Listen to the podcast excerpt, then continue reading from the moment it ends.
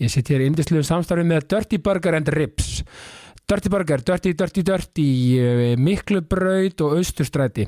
Já sko, þetta er sko þetta er inn í tvíekasverð sko.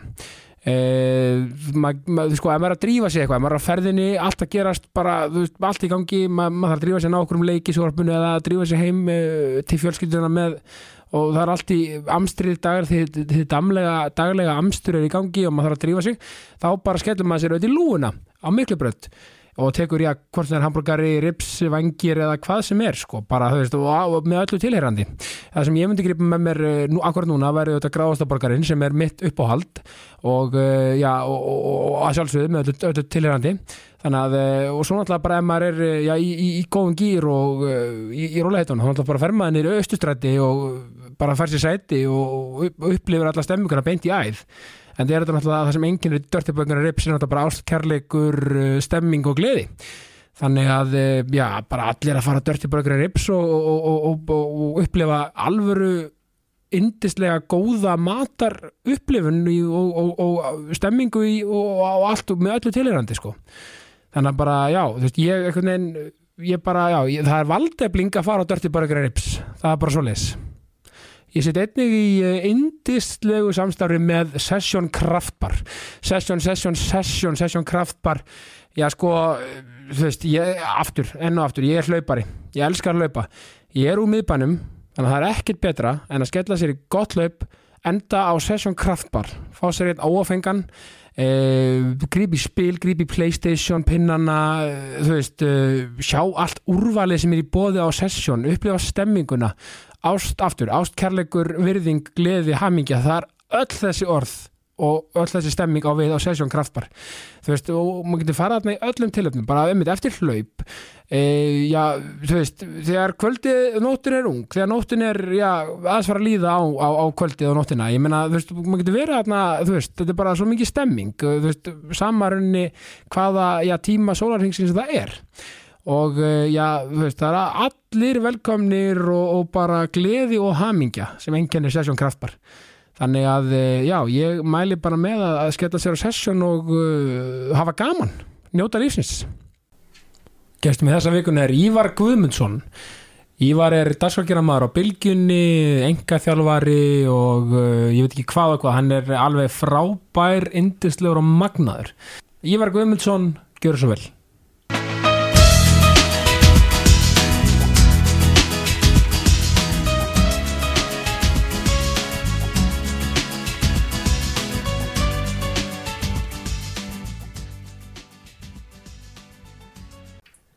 Ívar Guðmundsson, velkomin í Jákastið. Já, takk fyrir að bjóða mér. Já, bara mínur er láni, en það er ekki svo steikt að vera uh, hérna með við mækin?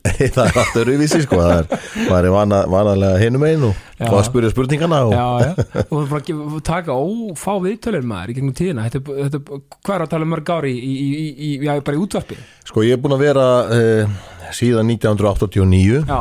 í, í útsendingu. Já þannig að hösti 89 þannig að hvað er þetta 34 ár? Já, núna í höst já, sko, þú ert nú ekki gammal en þetta er satt meir en mín æfi já. ég fætti 91, já. þannig að þetta er hérna aldrei afreg já, þannig að ég var sko 20 og hvað var ég, 20 30 ára þegar ég byrjaði útverfi Já, hugsaði það. En það var búið að vera samt draumum minn frá því að ég var bara 12 óra Já, það var alltaf draumur Alltaf Ok, og voru eitthvað fyrirmyndir? Ja. Já, það er, það er náttúrulega margar að byrjuðu nú svona fyrirmyndirnar að vera kannski hérna erlendir aðelara því að það var ekki svona tilneitt frjálst útvarp hérna á sínum tíma þegar ég var uh, svona unglingsárunum. Þá, þá var þetta svona meira þeir sem voru í kananum. Já. Það var hérna Casey Kasem sem var með American Top 40 og Charlie Tuna, þetta var svona hérna, sem sagt útvarpi sem var på velli, sko, kanútvarpi Já, nákvæmlega. Og svo eftir að byrjaði náttúrulega hérna popþætti náttúrulega, lög unga fólks og svona þetta á rás 1 og og Þorgir Ástálsson og svo Jón Axel sem fór í gang með pophólfið og já. þannig að þetta er svona, já, það eru nokkra fyrirmyndir. Já, var ekki líka hérna hérna, hann Páll hérna Þorstins, var hann ekki svolítið svona Páll Þorstins svona Rás 2 og, og síðan fór hann inn og var fyrst í dagskustjóru Bilgjunar Já, hann var fyrst í dagskustjóru, já, já, já, og, og hann var mikil og er alltaf mikil fyrirmynd enda, enda frábær útastmaður sem hann var Já, var hann ennþá starfandi þegar þú varst að byrja? Nei, hann var, ha, ég sko, þegar ég var að byrja útvarpi var hann ennþá starfandi en hann, þegar ég kemur á bylgjuna sem er ekki fyrir 1995 og þá, þá er hann var hann farin, í önnu störfu hefur verið því síðan sko. já, já, þetta er alveg magna maður. Og svona, og ára við byrjum, ég er alltaf með tvo skemmtilega samstagsæðala og ég sko að því þú ert mikil, hérna, mikil íþórtamaður eftir góða æfingu já, þá er ég með góða hugmynd sko. Mm. hróttalega æfingu sko. Þá, þá fer maður beint af Dirty Burger Ribs tekur eitt gráðastofborgara þar. Já, svo að því ég er ekki ekki áfengi næni þá nefnilega er ég að vinna með ófengabjóra. Af því ég er mikið að hlaupa og svona, mm er, er á miðbænum og tek oft uh, hálfmarathon eitthvað niður bæ. Enda maður sessjón kraftbað fannst ég svona óafengan, þeir eru með Já. rosa gott úrval af þeim. Ég sko skrítið með mig, ég hef aldrei hérna, komist upp á lag með að drekka bjór þó svo ég drekki áfengi. Já, já, ég hef aldrei aldrei fundið einhvern veginn svona hvað ég að segja, gæðin í svona að njóta nei. bjórsins, ég held kannski á ég það bara eftir ég, Já, kannski ég ná já. þroskaður. þá bara að fara á sessjón Nákvæmlega. algjörlega, nei en sko en jákvæðni var, hvernig, að því þú ert mjög jákvæður maður hann vandi unni með þér og svona og þú veist bara, það er alltaf, alltaf uh, glasir er alltaf hálf fullt sko. Þa- Þetta er að vísu ákvörðun. Stund, Já. stund, kona mín segir stundum að ég sé hérna e, svona of þú veist, jákvæður að ég fæ þetta líka stundum. Já, þú veist það því að auðvitað er eru hlutinir ekki alltaf bara Nei, æðislegir nei. en e, það, ge, það gerðist bara fyrir ansi mörgum árum að, að ég tók bara ákvörðun um það að þegar ég vakna já, að þá ætlum ég bara að segja sjálf mig þetta verður geggja þetta Já. af því að ég hef enga að tapa. Nei, Vist, ef þú seg, byrjar daginn hins egin já og, allt ómögulegt. Þá ertu strax búin að tapa. Já. þannig að ég, ég reynir bara að byrja alla mótna svona. Já. jafnvel þó þessi hund þreyttur eða Já. eitthvað skiluru þá bara, herru þetta verður bara geggjað dagur. Já, að, að, að, að, að, það, það er raunverulega hægt að velja sér viðhorf, ég trúi því. Það er viðhorf, já, og líka sko, þú veist, af því eins og segir góð punktur með, eins og ég er ofta að tönglast á hérna þú veist að jákvæðin er líka bara allt. Það er að vera, leifa sér að þú veist að hvort sem það er að líða, vera reyður gráta, þú veist, og allt þetta sérstaklega hjá okkur strákunum þarf að vera þurfum við að opna að leifa okkur að vera svolítið. Já, já og þú veist, er bara þetta missi ekki marks af sko hálf, hálf fulla glasinu og, og, og sólinni. Þú veist, að, ef maður missir sko í rauninni vonin á trúna og svona einmitt þennan svona uh, sólina, þá, þú veist, þá verður maður eitthvað að endur sko hlutina sko. Já, ég held líka að ég hafi sko eh, svona allan hinn síðar á náðu svo miklu meiri tengslum við sjálfa mig. Já, já, Vist, ég var einhvern veginn bara alltaf áfram gakk, áfram gakk sko, Já. Og, og, og dvaldi ekki vinnina hluti en það er heldur ekki gott. Nei, einmitt það það, þarf að gera upp. Já, bara ekki spurning og, og, einmitt, og það er líka bara partur af þessu amstri maður gleymir, þú veist, og það er alltaf lega að gleyma sér í því sko, en, en það er gott bara átt að sjá því sko. Það er nummer 1, 2 og 3 þannig að sko en, en þá, þá sko ef við förum aðeins í sko að sko þig sjálfan eh, ertu alveg við breiðholtinu? Sko ég er ég er hérna, má segja ég hafi sé alveg þar upp því að ég er sex ára þegar ég flytt í, í hérna unufellið í fellakvarfið sem að þá var ég uppbyggingu fellakvarfið og ekki búið að byggja hérna nema hlutaði og ég horfði á uh, svo kvöldu löngu villi svona byggjast upp að því að það var nú svona leikvöllun okkar þegar vorum bara 6-7 ára og, já, og rjúpufellið og allt þetta. Já. en ég er bara alin upp í fellunum og er þar alveg til í raun og veru já, og, og breiðholtið var og ég held að sé ennþá bara alveg frábær staður að vera algjörlega og er, ég held að þetta sé sko á, á ákveðinu leiti svolítið vannmett í hverfi. Algjörlega og það kannski það var bara hanna þannig að við þurftum að fara yfir eina götu til að fara í skóla já, sem dæmi. Það var Og- vistvænt. Já, og, Já. og þú þurftir ekki, þú, það var ekki mikil hætta að bílaðumferð þó að veri margir sem byggju í hverfina því þetta hverfi er skemmtilega svona byggt í, í, í ring að hluta til. Já, og svo kynntist ég alveg ótrúlega uh, mörgum það er náttúrulega fellakverfið, hólakverfið, svo breiðoltið Já, já. og svo seljakverfið sem byggist upp síðast og þetta kom einhvern veginn allt saman saman síðan í félagsmiðstunni fellahellir sem að, að þar byrja ég nú að sagt, vera plötusnúður bara sem bara í raun og fekk ekki borga fyrir að bara nei. æfa mig sko já, já, 12-13 ára kannski já, já. og hérna þá kynntist maður svo aðra grúa fólki og einhvern veginn í dag þá finnst mér ég svona þekkja rosalega mikið svona fjögur ára yngri en ég og fjórum árum eldri það Já. er svona áttar á tímabil þá þekki ég bara alveg ofbúslega stóran hluta af þeim árgöngum. Að þetta, það voru svo margir þetta var, var í kringum sko 40% öllum börnum uh, á höfbruksæðinu já hugsaði það voru í breiðaltinu Nákvæmlega, en þetta er risastór hópur og svona skemmtilegt svona að einmitt, það er allir sem einmitt, hafa komið og eru breiðaltinu, einmitt svona, einmitt aldrei við þig, eða kannski yngri eða að tala aldrei um þessa stemmingu sko. Já, og ég, sko, og nú er kona mín til dæmis eh, svolítið yngri hún er, hún er fætt 83 Já, og hún er, er að hluta til í breiðholtinu og, og hún tala mjög vel um það líka. líka já og það mér finnst það svo skemmtilegt að kynnslóðanar hafa bara uh, veist, haft gott að því að vera í breiðholtinu. Já, heldur betur, ég meina breiðaldi er bara snild og ég meina þú veist, rétt hjá bænum þetta er bara, bara príma svæði til að líka, eins og þú segir, barna góð barnastemming og bara Já. já, var rosalega, uh, veist, rosalega margi, margar barna fjölskyldu sem fluttu þangað. já, nákvæmlega og, og varstu þau leikni?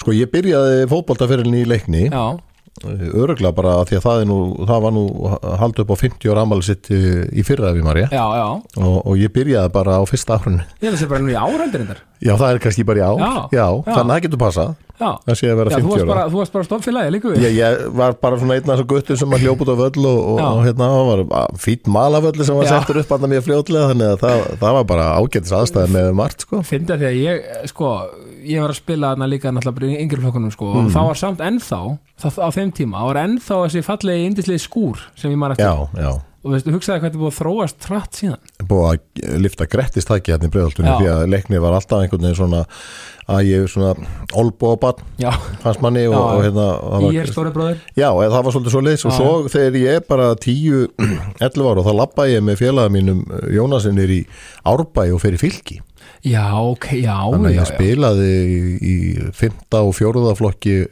með fylki og, og svo hætti ég bara að Já. hæfa fótbolta, ég og fyrir með skellinöðru já. þá, var það, var það komið. Já og svo fór ég að æfa fótbolta aftur um tvítu sem að það stíld ég hef mist svona ansi góðan tíma sem að maður þroskast sem fótboltamaður sko. Já, er það hörku spilari, þú átt fullt af búin að Já, nokkra meisturásleiki en mest hef ég náttúrulega bara verið að spila í, í auðadeldinni og, og eitthvað svona eftir. Já, það er kannski aðalega það. Já, það, þar á ég Íslandsmeistaratitla og svo á ég í eldri flokkum 40 og eldri, 30 og eldri og, og, hérna, og 50 og eldri þá á ég líka Íslandsmeistaratitla þannig að þetta er svona, maður hefur verið setna að springa út. Já, það er líka bara gott að aðrumandröfinu lífur er þá Já, svona, en það, ég bara segja alveg sem mér finnst fótbolt svo skemmtileg Já, sammála. Ég veit ekkert hvað það er, það er bara þá hugsa ég ekki um neitt nefn fótbolt Einmitt, þetta er svona, einmitt, þetta, maður dættur í són, maður er í, hérna kardió á, á meðan og maður er með, með einhverjum félögum þetta er bara, þú veist. Já, því mér leiðist rosalega mikið að hlaupa Já, bara eitthvað skilur Já, já. hlaupa ykkur tringa svona, Já, að hlaupa þetta fótbolt, það finnst alltaf já, gegja þetta er alveg máli ég segi líka alltaf með hlaupin, sko, þú ert svolítið bara hlaupari eða ekki, Já, það er svona lítill ekki það, veist, fólk getur alveg byrjað að hlaupa ekkert mál, en, en veist, búna, það er ánægjan að því, sko. Já, ég, svolítið ég, bara- sko að því maður hefur aldrei farið í það að, að sko, ætla, að hlaupa kannski marathon eða hálft marathon eitthvað, þá fer maður og, og undirbýr sig Já, já. og þá held ég að maður fái ánægjuna Já, já, en ég bara náði aldrei einhvern veginn því að lóðir heitlu já, já, en Já. veistu, það er aldrei á seint. Aldrei að fara að hlaupa sko. En rauninni þannig sko, en, en hvaðan kemur þá KR hjá þér í rauninni? Er það bara setni tíð? Já, það, sko, það er nú líka svona skemmtileg tenging vegna þess að, nokkri sem voru með mér í, í skóla fóru síðan í KR sem voru í fellarskóla, ég meina Rú, Rúna Kristísson er, sem er nú þreymur árum yngri og, og hérna já, til dæmis hérna Steinar Ingimunda. Já, já. Hann, hann var með honum í skóla, þeir fóru hann í KR já, Ein, einhverju fara hann í Val eh, Já, ég meina, svona. þetta- eins og pappi minn heiti fættu 61, hann var, hann var, hann fekk hérna hvernig var það, það var strætó með og kókumjólk eða eitthvað? Já, já, Og hann fór hérna- í fram. Já, hann fór í fram, þannig að, alveg rétt, það var verið að svona vingsa út fló- hérna góðu leikmenn á breyðaltinu Já, í þessu stóru klubba það hafi verið svolítið svolítið svo bara er það þannig að ég þekki svo marga e, þegar, þegar við vorum í eldri flokkunum og svo er þetta þannig að svona e, eins og við kallum þetta old boys að Já, já. það fer að tínast úr hópnum og svo var ég bara ykkur til að vera með káir að þeir Já. voru með fínt lið í 40 og eldri og ég bara já, ég er til það en ég er eiginlega búin að vera þar núna í 17 árið eitthvað Já, að spila með og, og allt bara góði félagar sko. já, bara æðislegt og, og, og náttúrulega sko, já, nákvæmlega. Og en bróðin náttúrulega framari. Já, hann, hann hefur alltaf haldið mikið með fram og við gerðum það nú hann verð framköllun á sín tíma. Já, já, við getum orðað þannig. Já. og við fórum til dæmis mikið á, á framleiki hérna þegar Áskir Eliasson var að þjálfa Já. liðið og hann var að þá til að byrja með að spila með þeim stundum sko. Já, já, já, og Petur Ámsleif og Gummi Steins og allt þetta. Þetta voru, þetta voru svona hetjur fannst manni. Já, heldur betur maður. Þetta er, þetta er verið ske, skemmtilegu tími sko. Já, gullaldar liðin maður og, en þannig að, já, að því ég var að hugsa hvort það er eitthvað búið í vesturbænum eitthvað slíkt en það er ekkert svoleiðis Nei. Nei. en, en þetta er meira bara því að maður hefur þekkt svo marga. Ég, ég fór til dæmis um tvítut fór ég hérna út í Hafnafjörð með bróðum mínum að æfa með haugunum og, og já einhverja mestrarlósleiki með þeim. Já, og þá voru þeir að vinna sig upp um deildir hægt og rólega og ég var að, ég var aldrei fast að maður í liðinu en það var kannski að því bara var ekki nógu dölur að hefa Var það viljum að með hugana? Sko það er áður en að Viljum kemur Það er að Willum kemur, já, það, já. það er hérna, en ég man eftir hérna Já, tveimur, þreimur þjálfurum Guðjón kom þeim alveg upp uh, Já. hérna, og, og svo er hann að koma Óli Jó.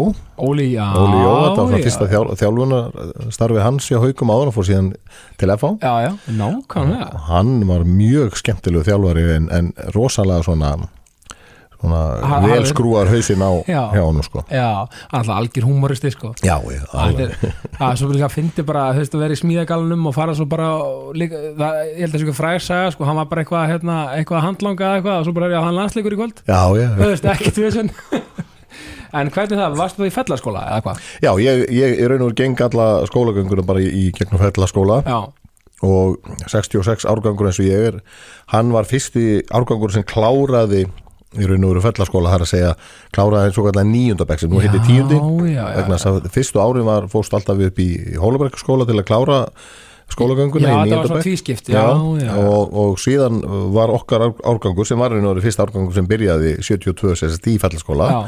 við kláruðum síðan líka í fellaskóla þannig að það var svona svolítið skemmtilegt að geta klárað skólagönguna bara þar og við okkur þykir vola væntum hennar skóla heimsveikjum hann svona fimm ára fresti Já, gaman og, og hvað, og fórstu þú, fórstu beint að vinna fórstu í Mm. Svo fór mentaskóla? ég bara beinustulegi vinnu og maður, vinnu, já. já. ég er búin að vera alltaf, ég hafa byrjað að vinna með skóla sko bara selja blöð 7 og 8 ára Já.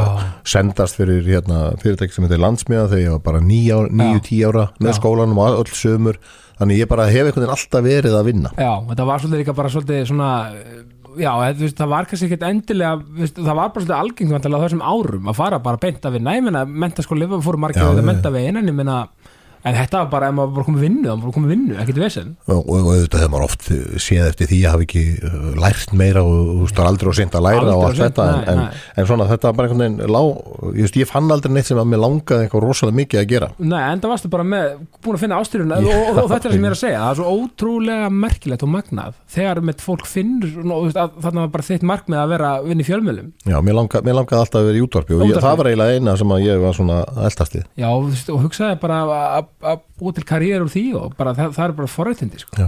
Ég, ég bara ég held ég sé bara svona ótrúlega heppin líka að, að vinna við það sem ég hef gaman að Já. gera. Því svo hef ég líka verið aðeins að, vinna við þjálfun. Já, já, og að því ég hef svo mikið áhuga á líka satt sjálfur. Einmitt. Og þannig ég er að vinna tvær vinnur og mér finnst einhvern veginn stundum eins og ég sé ekkert í vinnu.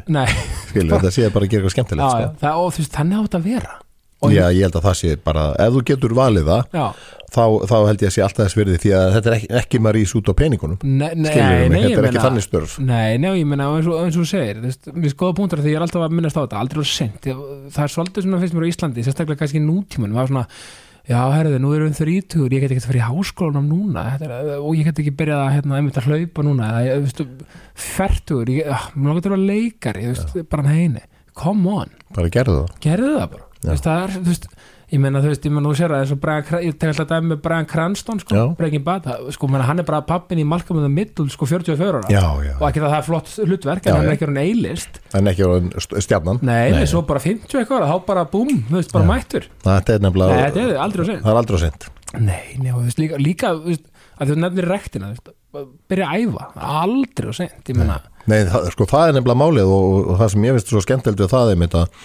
að, þó þú hafir aldrei farið í eitthvað lóðaliftingar þá er aldrei á sent að byrja vegna þess að það mun alltaf gera það gott. Já, það er bæðið búið að rannsaka það hérna heima, Já. Janus Guðlusson hefur se- sett fram uh, skemmtilega rannsókn í kringu það já, og það er bara búið að sína fram á það að, að fólk bara á já, það tekur þvílíkum framförum í styrk og liðleika, tegja og allt þetta ef það, ef það bara byrjar og þó- þetta er ákvælt í fótbolta hérna fólksins að tegja vel. Að, maður þekkir þessar góðu, góðu nárategur Ég mætti vera betri í því, ég get alveg viðkjönda ég kem úr gamla skólanum með Já. þetta. Já, já en rauninni sko, já, þannig að og, og þannig að þannig er þú bara byrjaður að vinna og, bena, Já. og, og er, já, þú veist, og þannig að varstu, varstu að fara með dablaði vísi í hérna, í húsi eða? Já, sko, nei, ég var nú bara alltaf í bæ að selja vísir bara Já, bara Þetta var áður en að devaf og, og hérna vísir, eða dagblæð og vísir saminu þá var ég að selja vísir og ég var bara mann eftir með sem gutta þegar Guðmundur Geirfinnsmáli var, þá Já. var maður að kalla þetta og selja fullt af Já, þið blöðum voru raunverulega bara að kalla bara Já, já, já. já, Já, já, og ganga Já. kannski fyrirtæki og bjóða hérna í lausasölu til þetta romantísku tími satt, sko, meina ég sko, tími samt sko. skrí, já, ég segi sko bara því að maður, maður alltaf þekkir ég er örgulega síðasta kynnslóðin sem hérna er svona fyrir samfélagsmiðla já, já, svona, já, í, í alveg í æsku. Algjörlega. Þannig að magna sko, veist, maður að horfa á þætti sko, veist, ég er að horfa á þátt sem heitir hérna, Love and Death núna, það er frá 78 já, já, já, Herðu, og, veist, og það er svo gaman að sjá bara með dagblöð, menn fóru í bíó til að fyrir bíó. Já. Vissi ekkert um myndina, fóru bara, r- bara runnu blind í sjóin alveg. Þetta er svolítið romantíst Það er það sko og mörguleiti þá er ég ekkit endilega vissum að þessi endalusu upplýsingar sé að hjálpa okkur ykkur rosa mikið. Ekkert alltaf mikið allavega en, en sko maður þarf líka að kunna kannski að velja og hafna. Já, og líka bara kannski slökkva á því bara á til. Já, það, veist, ég, ég er einmitt að reyna að gera þetta inn á milli að taka bara síman og leggja hann til liðar já, en maður er einhvern veginn alltaf tengdur og þetta er, þetta er pínu pyrrandi sko. Já þetta er eins og ég, ég er með eh, fjögur á fimm ára heima Já, og maður, eh, sko, ég, ég, vil, ég vil meina það að svona lítil börn, það er ekki til betri núutund af því að þú veit sko, það er ekki afsláttur það er bara, herðu, við erum í hérna törtursleik hérna. Þú veist, þú bara, þú er fókus. Þau er líka svo hreinskilin sko. Þau eru það. Það er bara áfram, þú veist, talum áfram gakk sko, Já. það er bara, hey, come on, Já, það er svo geggja Það er lítið þólum með lítið þólum með, en sko er henni fyrir mig fjölmjörnlega, sko, þú, þannig að þú byrjar 89, Sko, í filminu, já, Já. Og, og ég er, er að- náttúrulega þarna í fella þetta sem, sem svona plötusnúður. Já, og ég hafði mikið áhuga að vera plötusnúð ég hafði alltaf, alltaf mikið áhuga á tónlist Já. og ég haf aldrei geta spilað eða sungið eða neitt í tónlist en ég hef brópaslega mikið áhuga á tónlist. Brennheitur áhuga maður og svo er ég uh, svo er svo opnaður uh, hérna unglingaskemmtistæður sem heitir Vilti Trilti Villi sem hann uh, Tommi á, á búlunni opnaði sínum tíma. ég, ég hef heyrt hann tala um þetta. Já, Hamburgerabúlan eða nú þá hétt þetta Tommaborgara hann hefði stopnað það hérna 81 og 82 opnar hann hennan uh, unglingaskemmtistæðnir á skólagötu sem setna meir var Casablanca og allt þetta. Já, já, en þá er ég svo heppin að þar er Jón Axel Ólafsson uh, yfir plötusnúður og, og, og Gunnar Gunnarsson. Heitinn hann, hann var hann með hún líka og þeir, þá vantaði eitt svona auka já, svona þriðja, já. svona afleysingar eða eitthvað svona og, og, og hann veðjaði á mig. Ok, ég er þá 16 ára já þegar þetta er. Og vissan það af þér úr sko því ég var bara Nei. búin að tala við hann Já, og eitthvað svona, jú, jú, náttúrulega vissi að mér úr félagsmiðstöðunum. Því að við, svona, við þekktust margir plötusnúðun úr félagsmiðstöðunum. Já, og hann er hvað það ekki Jú, hann er á eldri ég. Já, og hérna, hann að ég fæ að vera hérna þegar þetta er opnað, bara helgi tvö og, og svo er þetta ekkert lengi starfandi, starfandi kannski einhverja uh, fjóra, sex mánuði og svo breytist þetta allt saman og, og ég fer eitthvað annað. Og, það, upp, upp úr því fer ég að vinna bara svona sem blötusnúður í svona aukastörfum skilur já, og uh, fer að vinna inn í hérna, upp í Kóbói, það var heit Ypsilon já, sem að setna meiri var, var hérna strippstaður Já, já, já. það var bara diskotek já, já, já, já, já. og, og, hérna, og þaðan fer ég að vinna síðan í, í klubnum og sem breytist síðan í Evrópu þannig að núna er hótelnir í Borgatúni og það er upp á Broadway til Óla Löfdal þannig að ég var bara að vinna sem plötusnúður. Já, og varst í, í þessum, þessum gera svolítið greinlega orðin svona household, eða skilur Já, svona maður þekkti marga í þessu. Já. og svo gerist það eiginlega bara þannig að, að hérna, sem sagt, FM 957 sem er fyrsta stöðin sem ég fyrir að vinna á, hún er sagt, 13. júni 89 og er þá hérna upp í ármúla og eftir einhverja þrjá fjóra mánu þá held ég að reksturinn hafi verið orðin svona ansi lélugur, þetta er alltaf bara opbáslega erfitt að selja auglýsingar og allt Já, þetta, já, þetta er- og hann um haustið þá eignast þetta hérna, Vilhjálmur Svan og, uh, og hérna hann Vili Ástaróð sem var, var með klub Evrópu, Já. veitingastæðinu Evrópu og þeir spurja hvort að ég vil ekki bara koma og, og pröfa að taka eitt þátt eitthvað og það Já. var, enginn að fá borga neitt Nei. og það var engin peninga til. Þú hugsa bara, ok, takk ég bara já, ég, ég var bara að vinna sem sölumar ég bara já, ég er bara akkur ekki maður. Þannig ég kom og fór að vera millir fjögur og sex á, á, á virkum dögum. Bara, fyrir, bara frýtt í september og hérna 89 og svo er stöðin bara já, það er þannig að þeir leia sendir og sendirinn er að hérna, uh, komin í vanskil og, og þá fer ég inn í smiðjukaffi eða pitsusmiðuna til Reyða Svavarsson sem átti það. Já, og þekkti bara hans fjölskyldu mjög vel. Og hann hafði alltaf svo mikið áhuga útverfið hann, hann keifti bara stöðina já. keifti sendirinn, bara byrjaði á því. Sölu væri bara seldið þetta? Já, ég má eiginlega segja það. Og, hérna, og fekk svon sinn, uh, hann Sverrir eða Jóla til þess að koma og svona sjá um þetta. Ok, þannig að uh, oktober 89 þá byrjar svona uppbygging á stöðinni, kaupull, tæki þegar var ekki til.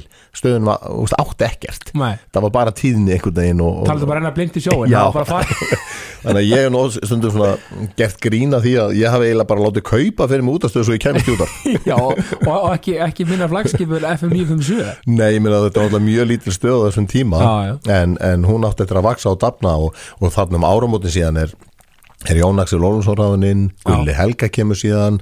Anna Björk Birgisdóttir, Stengur Mjör Ólafsson allt svona reynslu boltar þá úr uh, útasbransanum, Já, já. þannig að bara hann einhverju svona 10-12 mánuðum voru við komin bara með mjög skemmtilega svona útastöð, þetta er svona upphafið af því sem að FM síðan varð Einmitt. og, er í dag. Og voru svona New Kids on the Block og svona, Já, og svona þú veist, svona svona, örgulega svolítið djarft menn þorðu kannski að gera hluti sem aðri voru ekki að gera og, og voru þá tveir með öllu byrjuðu þér þar Tveir með öllu byrja þar nefnilega sömar 91 sem er 91, Já, ok. og árið setna er þið keiftur upp á bylgju þannig að þeir eru Já. 92 og 3 á bylgjun og, og spring út sem þetta risa program. Já, en 91 þá byrjaðir uh, sko máli var að þeir höfðu verið með morgun þátt já, þannig skemmtilega að segja frá því og það hét, hann hét ekki þetta. Nei. Hann var bara svona 79 eða eitthvað. Og það svona, þeim fannst þetta ekki rosa gaman einhvern veginn, þá strákar sem voru samt með mikla reynslu úr já. áttu stjörnuna og búin að gera allt.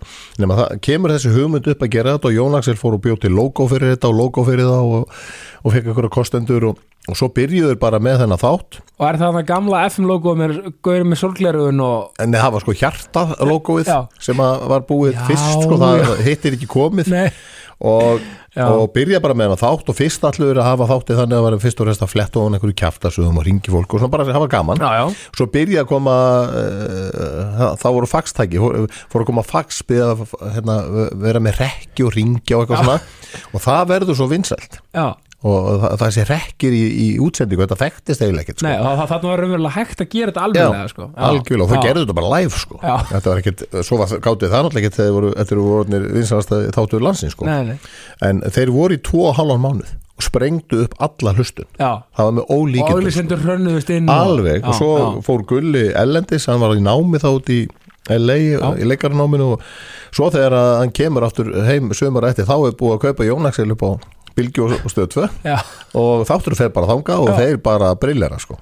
já nákvæmlega og þar með verið þetta tví ekki svona household sko. Já, ég meina við erum að tala um að það er yfir, yfir, yfir 20, 30 ár síðan að þeir voru fyrst með þáttin Já, paldi, að- og þetta er alltaf magna og, þetta, þú veist, og, og, nefnir þetta fólk að ná þetta eru því líka kannur og, og rauninni sko og, hvað, og, og, og þarna, veist, ert þú þú varst ekkert í gegnum mónu eða stjörnuna eða eitthvað Nei. áður eða? Nei, ég, fó, ég bara byrjaði þarna og var þarna til lok ás 94 eftir að Átni Samúlsson egnaðist stöðina Sambíóin Já, og var nú einmitt að vinna með pappaðinu þar. Emmitt, og hérna, sætla minninga Já, og síðan uh, fer ég upp á Bylgju uh, bara í mars 95 Já, og, og, þá er ég ráðin bara í aflýsingar. Já, og, veist, og, og hérna, það var, voru gerða breytingar hérna á stöðun 94 og, og það var bara fullt af fólki látið fara og vera skipt um og bara reyna að hressa stöðuna við, getum orðað bara já, þannig. Já, eins og gengur. Já, já, og allt er leið með það. Og síðan er ég bara búin að vera á Bylgjunni, síðan 95 Muni síðan 95, Já. þannig að sko og hvaða slott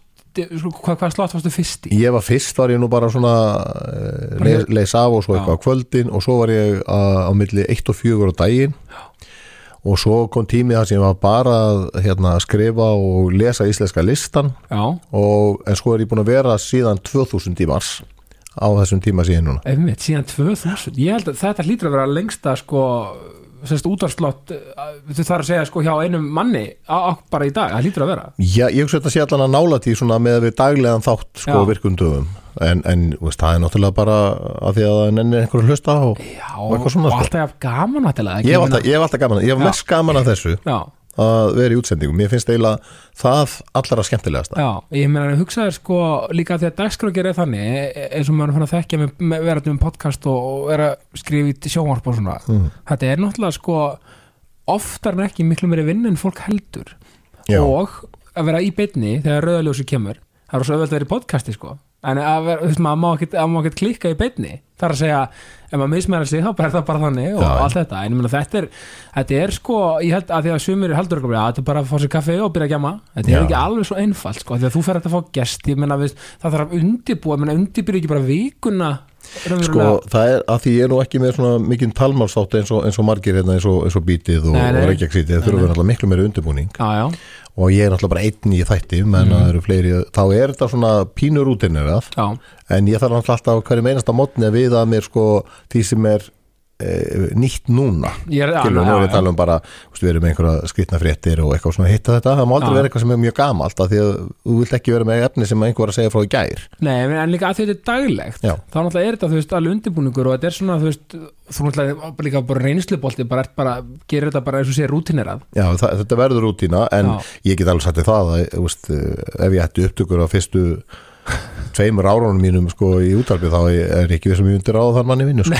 Nei, nei, þetta er bara svo leiði sko. en er líka, hann líka hittir góðan, hérna, hittir á góðan hérna strenga, því að sko ég, ég er búin að fá nokkra hérna timmin og og það, það er svona magnað sem svona samhljómur hjá flestum, það er, hei, það er alltaf lægi að sökka, sko, það er allt í leið alltaf lægi að vera bara, og maður bara veður í eitthvað Já. og vera bara ekki góður í því og þá bara, bara verður maður bara betri, þetta er ekki flóknar Ég held að það sé bara líka þannig að maður er aldrei góður í einhverju bara 1, 2 og 3 þú þarfst alltaf að æfa þig til að vera betri meira að segja þó maður sem með þetta í sér, sko. Já, já, ég held að það sé alveg Ég meina sömur að vera geggjaði knæspundum en að þeir hafa bara eitthvað hæfileika en svo Já. þurfa þær náttúrulega að þjálfa þá Já, ég meina, me- meina Þetta ég held bara að Kristján Ronaldo sé bara fullkomið dæmi með þetta, ég meina, hann er með alltaf hæfileiki heim en ég meina að vera svona elít þá bara, er þetta bara stöðu vinna og stöðu, vinna. já, ég meina, guð mér almáttur og, og rauninni sko og þú nú líka, hefur ekki eitthvað tekið að þér eitthvað, hvað sjónvastengt Ég hef, hef bara svona fyrir þetta er eitthvað svona smottir í. Já, svona kynna og svona Já, en ég hérna gerði einhvern veginn ferðaþætti Já. þú veist, einhverja 5-6 sem á nú eiginlega bara til þess að geta flakkað um. En svona það er allt svona miklu þingra einhvern veginn í kringu sjónvarpið.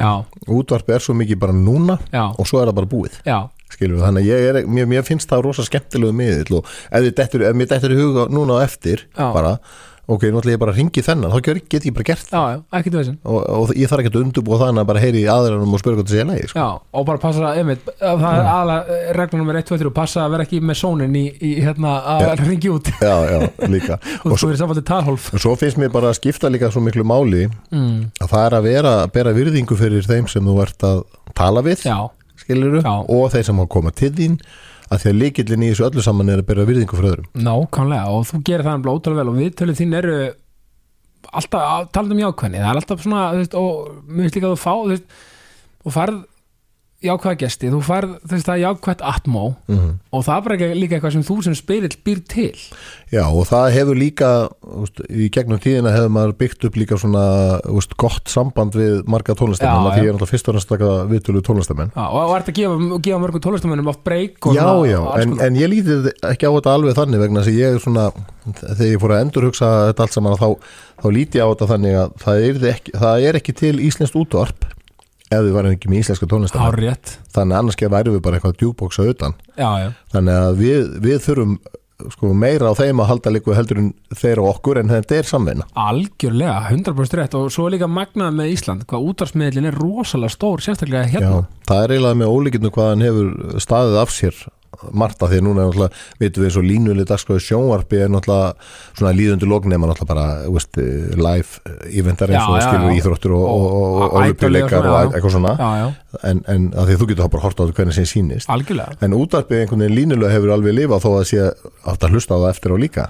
Bara ekki spurning og það var alltaf hérna, já, hérna, það var oft svona rætt um þetta manni, að útvarpum maður. Þetta er, ég meina, svo sem það bara minna, auglisendur hrannast í inn í útvarp. Útvarpstöður þetta landinni, veist, geggjað auglisi útvarpi meina, Já, og það sem að mér veist heldur kannski að besta við, ég heldur verið líka að líta á miðilinn, hann á fyrst og fremst að vera bara veist, þetta er bara svona í gegnum þinn vinnudag, þú ert kannski að vinna ykkur alltaf að já, en við erum alltaf svona að, í eirunum á þeir pínlítið með já. og reyna að létta þér svona lífið. Og þarna við kemur þinn þáttur með talandi um tímaslotti líka og þarna kemur þetta, að, að að, veist, að því að ef maður er að hlusta podcast bara tökur dæmi, Mm. eða svona eitthvað svona löngu vitur, svona já. páska vitur og svona, þá er svolítið að setja sér í stellingar sko, að þarna er þetta bara með músík þú að kynna inn og koma með eitthvað skemmtilega starindir eitthvað slíkt og þetta, þetta er bara svona ég segi ekki að renna í gegnum hann þetta er svona, ennust, maður he- heyrir þetta alveg Já. en þetta er bara svona þægilegt þetta er bara svona, já, Þetta á að vera, á að vera svona áreynslurust að hlusta á, á, á þess, sko, sérstaklega prógramin okkar frá 10 til 4 hefur verið svona meira tónlistatengdir já, já, og, og, þá, og það held ég sé líkillin að því að fólk geti haft þetta með við að gera eitthvað annað Algjör, algjörlega ég menna þú veist, ég menna líka bara að vera í bílnum og þetta er bara geggjað. Sko, ef við fyrir maður að sí hérna uh, þjálfunina. Já, hvenar svona, uh, sko, þú er maður verið í vörkla síðan 2001, ekki, ekki sagt jú, ég held að já, Jafnvel, sko, jafnvel að var ég byrjaðar að sko, ég var æfaðar fyrr, sko. Já, það er svo skrítið með að ég hafði enga áhuga á, á hérna líkansækt nei, uh, ég fer fyrst inn í liftingasal 22 ára já, þegar að fjölnið Þorgisson dreigum inn í uh, kjörgarð. Já. Og við fyrir að lifta lóðum saman. Já, og hann er þá bara 17 ára. Já, og við höfum ansið gaman að þessu. En við tókum rosalega svona kannski eh, fábreyttar æfingar, þetta, var svona, þetta voru ekki margar æfingar nei, það var ekki mikið fræða bak við þetta. Nei, og ég menna, við fórum alltaf í bekkin bara og eitthvað svona. En svo gerist það að ég svona er uh, smá saman, ég og Gulli Helga fyrir að lifta saman þegar við erum saman á FM 91 og 90, já, já, 90, 1990 og 91 já, og þá fór svona að vera aðeins meira alvar í því. Og svo einhvern veginn svona ég myndi segja á árabilinu svona 95 og upp í 2000 þá fer ég svona aðeins að stunda þetta af meira svona krafti en samt alltaf bara sem svona pínu áhamar já, já, en ég tek einhverja ákvörður hérna í kringum 2000 og þá hugsaði ok, ég ætla bara að hafa þetta sem uh, bara hluti af mínum vinnudegi að, að fara og æfa, Já. ekki alla daga en skilur, kannski allan þrissari viku. Talandum að vera með líka svona ástæðu til að fara í ræktina, sko. Já, og svo fer ég og horfi á hérna fitness mode í lögatursöllinni, það ætlaði ekki bara verið 2000 já, þá voru komið einhverju alþjóðlegu keppendur hérna og þarna var Kjartan Guðbrands og Kristján Ássarsson og okkar besta fólk. Já, já, og þá er þessi þrautabraut sem við þekkjum úr skólaristi já, já, já. skólaristi er raunar afsprengi af þeirri Já, var keppni. þetta svona keppni með þessum þrautum? Já, já, já, Þa, þar, þar byrja skólaristi, hún byrja sem fullorðiskeppni Já, akkurat. Og, og, og hérna, og ég sé þetta og það sem er svo skemmtilt, það er þessi veist, eh, gera upp í einhverju dýfur og eitthvað svona Já, og svo er þessi braut sem þú hleypur í gegnum og ég elska alla svona reyningu Já, og þetta myndi mér bara svolítið á tassanleikin frá því góða. í, í hérna Já, já, og ég hugsaði, askoti verið nú gaman að pröfa þetta? Já, þannig að e, í mars 2001 þegar ég verið 35 ára þá tekið þátt í mínu fyrstu kefni Já, og, og gekk bara ansið vel í þetta, verið í kannski fjóraða, fymta sæti eða eitthvað svona já, af einhverjum bara tíu keppendum eða eitthvað svona. Og ég hugsaði bara, "Heyrðu, þetta er bara þetta er geggjað maður. Þetta hljóma vel ég meina, og ég meina þú veist þarna einhvern veginn og, og byrjar þá þarna svona ok, nú ætlum ég bara að fara að taka eitthvað, námski og vera enga þjálfari og gera þetta part af svo, vinnudegin svo fór ég bara í það líka því að sko mesti lærdómurinn Já. er að þurfa að taka sjálfan sig í gegn Já, já. og fá aðstof við það frá öðrum. Fengi, maður er alltaf verið með einhverja sér betri í að aðstofa sig. Já, og þa þannig lærir maður svo mikið. Og ef þú getur tekið í gegn þá getur þú hjálpað öðrum. Algjörlega. Með að koma með þekkinguna og, og, og námskeiðin og þetta. Þannig ég fer að, fer að enga þjálfa alltaf ekki bara frá enga þjálfa kringu 2002 mér finnst það að vera svona um árumótin 2001 þá er ég búið með tvær fitnesskefnir já, og bara stóð mig ágætlega og síðan er ég með í einhverjum 11 fitnessmótum á 5 árum og er bara með þjálfunna svona með annari vinnu, bara eldsnum á mótnana 6 á mótnana, já, svo bara bent upp í stúdíu já, og, og svo var ég kannski að fara og þjálfa klukkan úst, hálf 5 á daginn Já, og eitthvað svona. Og, og meina, þú, meina, þú gerir þetta ennþá? Já, já, ég, ég rútína. hef aðeins minkað sko, ég, ég er ekki alltaf 6 á mótnana, ég var Nei. það í 13 ár sko, já, já. en, en allavega ég mér finnst þetta bara svo mikilvægt sko, Já, og líka, þú veist, það er þetta líka þetta jafnvægi milli líkam og sálar. Talandum um, um þetta að vera á líða og, og lifa sér að fara alltaf dalina og svona ég, þú veist, að því ég sjálfur líka ég er, ég er bara með þessa aðtekli snild ég hana, ekki, bara- þetta er ekki brestur Nei, þetta er, nei. þetta er aðtekli snild og hérna og ég fyrir mig, ég verð að reyja mig bara til þess að það fungera já, þú veist, ég meina, ef, ég er óhlaupin og segi konum minn bara, heyrðu, já, já, Kristján minn 10 km og svo tölum við saman. Já. Þetta er basically bara þannig. Nei, þú veist, og, og það er bara gott. Það er og, og það er líka svo gott þegar maður finnur sko sína hreyfingu Mm. og sitt svona sitt sína rútínu í þessu. Því að ég held að rútína í hreyfingu sé rosalega mikilvæg sko. já, já. þannig að veist, þetta er bara og að því að veist, ég held að sumir líka þú veist, haldi að þetta sé oft já, já, ég, ég þarf að gera þetta til að þetta vera oft kvöð sko, Já, sko, þú þarft að yfirstíga það að, og fara að finnast það gaman. Ég, það er svo margir sem hafa komið í gegnum þjálfun hjá mér sem að sem að ég hef sko hafa jafnvel komið og ekki taft neitt áhuga Nei. og svona eru bara að gera þetta þegar þau þurfa að gera eitthvað og svona, en á einhverjum tímapunkti hafa flest allir svona risu upp og fundir, ok, þetta er geggja já, ég, ég finn hvað, þetta gerir mig gott já, svo þegar styrkurinn kemur og bæti styrkin og, og allt þetta, þá, þá gerist þetta allt svo automatist já. Ég held ekki að sko, það er oft þannig og fólk kannski mætir og er kannski ekki í svona besta standi og er, er, er, bara eðlilegt, og er sko. kannski að byrja og ég, ég held ekki að, þú veist, að, að fólk þurfi líka átt að sjá sko að það eru eða flestir á þeim stað og er, er, eru bara að mæta til að bæta sig og ætla sér og, og þú veist, það er ekki í ykkur í ykkur metingi, ykkur keppni sko, þú ert bara í keppni sjálf nákvæmlega sko. það er eina keppni sem þú getur tekið þátt í vegna þess að þú, eh, eins og ég segi nú er ég sko 57 ára gamall já, og hérna búin að vera veist, í lóðaliftingum bara núna í bara eh, 20 Síðan þú fórst inn í kjörgar? já, já, bara næstu í 27 ár já, skilur svona alveg reglulega. Reglulega, já. En ég ætla aldrei að hætta þessu. Ég, ég er bara með frábæra fyrirmyndir í rektinni sem eru uh, rúmlega áttræðir. Uh, nýræðir að koma í rektina já, það segir mér bara það að þetta mun alltaf gera mig gott alveg sama, þú veist hvað ég verð gamall það skiptir engum máli. Já maður sér alltaf upp, í- laugum hérna afina Birgittilívar hérna, Jón Bóði, hann Bóði hann Bóði er algjör þetta, er algjör, talandum mann með jákvætt já, ég hugafar get að fá hann hingað. Nei ég er að segja það, hann var með okkur uh, þegar ég var að þjálfa hérna í völdklass upp í Spöng. Já, þá mætti hann alltaf með okkur klukkan hálf sjö á mótana já, og það er ekki lengra síðan en bara við erum að tala um bara 2004, 5, já, já, 6 já, já. skilur við, hann er ekkert breyst síðan þá sko, þessu, og alltaf koma með okkur í pottin ég hef ekki hitt í ákvæðari mann. Nei, hann er svo, og hann hefur svo gaman að læra og umgangast ungt fólk já, af því að hann er alltaf að læra eitthvað. Já, ég meina bara nákvæmlega, þetta er nefnilega nákvæmlega málið. Og veist, maður er aldrei búin að læra. Maður er alltaf að læra, ég meina þú veist bestu fótboltamenni heimi er alltaf að læra eitthvað nýtt. Já, og þú, en eins og þú sagðir svo réttilega maður þarf líka að vera opinn fyrir lærdómnum og tala við fólki með, þú veist, ef maður, þú veist, ef maður er kannski ekki alveg ykkur, hérna, atvinnumæður ykkur myndi bara tala við þá sem, og þú sagðir, eru, eru kannski manni, manni hæfar í eh, hverju sem það er sko. já, algjörlega. Og fá ráð, þú veist, og vera og þetta er líka pattræði, sko, að því að mér stundum samfélagi hérna á Íslandi, þetta er svolítið öfundsíki samfélag, stundum. Já, já, og það er alltaf í mannlega eðli að vera svona að bera sér svolítið saman með aðra og annars slíkt sko.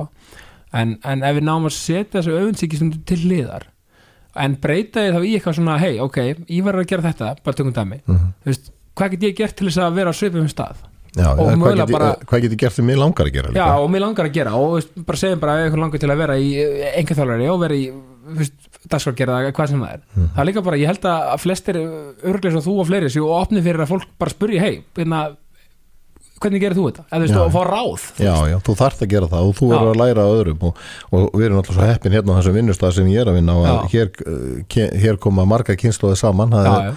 Þú veist, í yngsti dags og gera maður er kannski bara um tvítugt. Já, Gústi já, Já, já. og svo er bara Þorger sem er uh, svona ennþá hérna á göngunum þó hann sé komin yfir sjötugt. Já, já, Já, bara þó hann að sminka vinnuna. En, þetta, er, það, þetta er snildin fyrst mér með vinnustæði Já. þeir eiga að vera blandaðir. Að sjálfsögðu og ég meina, og, og þetta er þarna finnst mér þú hafa sérstöðu líka. Þú ert svo current.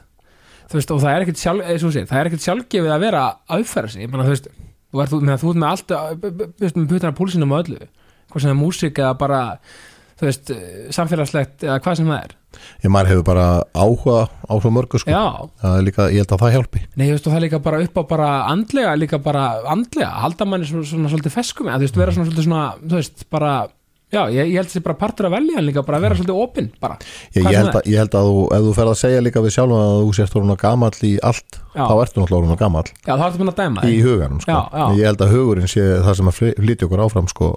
Já, þú veist þess að þegar það er að segja herri, ég er um þrítugur maður, þetta er alveg sko. þrítugur Come on, sko. Herði, ég segi bara eins og hérna menn og eila vitni hann mömmugömmlu sem Já. vorum að halda búin nýraða samanleginu um daginn. Já, og, hún er alveg ótrúlega eh, sagt góð í kollinum. Já, og það, það er náttúrulega frábær velun að vera ekki með neina svona sjúkdóma sem að Heldur skemma það. En hún sagði sko þegar að er að ringi með þetta fólk í kringu 60 og segist vera svo gamall og segi hvaða helvítsveitin er þetta? Nákvæmlega. þú veist, þa- þarna er gott dæmi um, um konu sem búin að vinna alla sína hunds og katta tíð Já, já, og hérna, en er alltaf hún er alltaf jákvæð. Alltaf jákvæð Já, já. Og líka þú veist, þegar menn, menn einmitt, og talan ekki um sko það, einmitt, þetta er góða punktur að hvart yfir því að eldast? Hugsaði forritindur að fá að eldast. Það er fórendi Já, ég meina, þú veist, bara maður bara að fagna því. Já. Það er svona elskaði fólk sem fagnar ammálinu sínu já, maður á að gera það maður á að gera það algjörlega en út frá hérna, rektinni og því öllu, ég meina, þá, þá hefur verið í alls konar vöruþróun og svona er það Já. eitthvað sem þú hefur áhuga á að halda ég, áfram ég veit það ekki sko, Má- málið er, ég hef, hef, hafði mjög gaman að þessu Já. þegar við fórum að staða með þetta á sínum tíma Já. og, og með það er svo sem ekki taka það af þessu að við vorum eh, með fyrsta íslenska próteinstykkið Já, sem, bara- sem er kraftur í dag Já. og, og, og Freyja er að framleiða og gerir bara ótrúlega vel Já. frábært fyrirtæki að- að vinna með og okkar samstór stóð í, í mjög langan tíma. Já, já, nú við, framaldið því fórum við að gera hámark já, og hérna það var fyrsti íslenski prótindrykkurinn það er ekki, hlæðsla kemur nýju mánuðu setna þannig að, og það er gert með enga fyrirtæki bara á höfða sem Coca-Cola. Já og menn þið gerir þetta listilega vel er- frábæra, frábæra vörur já, og ég reynur sko maður er rosa stoltur að því að hafa tengst þessu. Já, er og verið sko með hérna í hugmynda vinnunni allri Já. og reynur var þetta bara svo litlu börnin okkar. Já, nákvæmlega. Er, og ég er svona ég, ég er mjög stoltur af því. Já, en auðvitað er gaman að var ég alveg til í að gera eitthvað en ég er svona, akkurat núna er ég ekki með neitt svona í, í kollinum sko. nei, nei, það geti bara einmitt, eh, aldrei á sent, það geti poppað já, já, já, það- það kom alltaf einhver góður hugmyndir sko. algjörlega og svo náttúrulega ertu að upplifa eitt skemmtilegsta hlutverki heimi, það er að vera afi já, það er núna réttur um tvö ár ég var Já. fyrsta æfi og hérna Marino, hann er, hann er rúmlega tveggjára, var tveggjára í, í hérna janúar og svo er ég komið með eina litla stelpu frá sem að strákurum minna og með Já. konin sinni og hún er bara að verða hvað þryggja mánaða þetta er bara þetta er, þetta er, þetta er mjög sko, finnst þetta fyrsta lagi bara pínu, pínu skrítið fyrst já, já, eðlilega. en opbáslega skemmtilegt. Já, þetta er náttúrulega bara, þetta er bara hérna, hérna það er þessi, þessi kunst að geta skilað. Já og, og maður er svo hérna, ég er eiginlega mest stoltur af því hvað eh, síðan eh, hérna börnum mín og, og hérna og makar þeirra eru góðu fóreldrar já, bara frábært það æðislegt. ég held að sé, sko, ég, ég bara hlaka ekkert eðlilega mikið til að vera afi, Já. ég held að sé, þetta er svona, þú veist, þetta er öðruvísi en að vera öðruvísi svona væp heldur en að vera fóldri, sko. Allt öðru í sig já, og maður er einhvern veginn bara þú veist, fyrst þegar maður verður fóreldri þá svona fattar maður akkur maður er hérna. Já, Þa, það, er, það er fyrsta svona hugljómun sem ég fekk já, þegar fyrsta hérna barnið mitt fættist og þá bara þetta, ok, nú veit ég akkur ég er hérna. Þetta, maður er í þessu til þess að gera að algjör fjölga sér. Já, algjörlega og bara forréttindi sko, þú veist að mynda geta, þú veist hugsaði hvað maður er heppin að geta mynd orðið hérna afi og, og, og, og eða amma skil, þetta er bara, þú veist, bara og um þetta, að- þetta er góð punktu með þessa tilfinningu, Ma, maður fær svona allt lífið svona rennur í gegn og maður verður svona þegar maður eignar spatt sko, Mm. það verður svona bara svona höf, hvað var ég að gera áður, áður sko, ég veit það. Maður er búin að eiga batni tvo daga þá bara, ég, maður man ekki eftir tímanum áður sko, Nei, og, og hugsaði líka ég oft, oft er að svona brosaði sko, maður, maður var svo busy sko já, þegar maður var já, ballus, alltaf svo busy já, svo bara breytist allt og þú ert Já. ekki lengur nummer eitt eða tvö, nei, nei. heldur þú ert bara aftar í röðinu Já, eftir já, barninu. Út á bekknum. Já, já, það er bara svo leiðis Já, en ég var, þá er það bara raunni sko í lokin, mm. kannski eitt, eitt áður, ertu með eitthvað svona óvænt áhagamál sem kannski fólk átt að segja ekki á? Eins og að prjóna eitthvað? Nei, ég er alveg ótrúlega mikið laus við það held ég sko. Já, að vera með eitthvað svona óvænt áhugamál. Mér bara dettur einhvern veginn ekkert svona í, í hug í fljótu bræði nei, það er kannski bara kannski, ég menna, kannski tengja ekki allir við er kannski Nei, nei, nei, er bara, en ég hef rosalega gaman að náttúrulega öllu svona hvað er að segja gaman að hérna finnst það mjög skemmtilegt og, og ég elska að vera í útlöndum. Já, það, Það er nú er- ekki leðilegt og svo má segja að ef það ætti að vera kallað áhugamál þá er eh, að því ég er svona hef verið duglegur og ég er konin að fara á tónleika erlendis, það er svolítið áhugamál hjá okkur. Já, og líka hérna heima. Já, bæði heima og, Já. og, og erlendis og, og hérna, þannig að við reynum að elda mjög mikið svona að þetta er upplifun og þetta er rosa skemmtilegt. Já, við vorum saman á, hérna, ég, ég sá glittið hérna á tólingunum, hérna, takk Njalli. Og það var nú aldeilis flott maður. Æðislega tónleikar, Æði og bara veist það sem við söfnuðu sko, bara, bara frábært. Nýju miljónir fyrir kraft. Já, þetta er bara magnað og indislegt ég, hérna, ég var þá er það bara kvartning út í daginn til fólks Ég ætla eiginlega bara, held að besta kvartingi sé í raun og raun svolítið eins og við byrjuðum. Já, taktu bara ákvörðun og Hemmi Gunn heitinn sagði þetta líka Hemmi við mig. já. hann sagði þetta við mig. Taka ákvörðun um að þetta verði góðu dagur. Ef þú allan að segir það við sjálfum að þú vaknar já, þá er allan að miklu meiri líkur að það verði góðu dagur. Nákvæmlega. Veistu, að þetta geti ekki verið betra ég var takk kærlega fyrir komin í ákastið Takk fyrir mig. Og ég segi bara ást og friður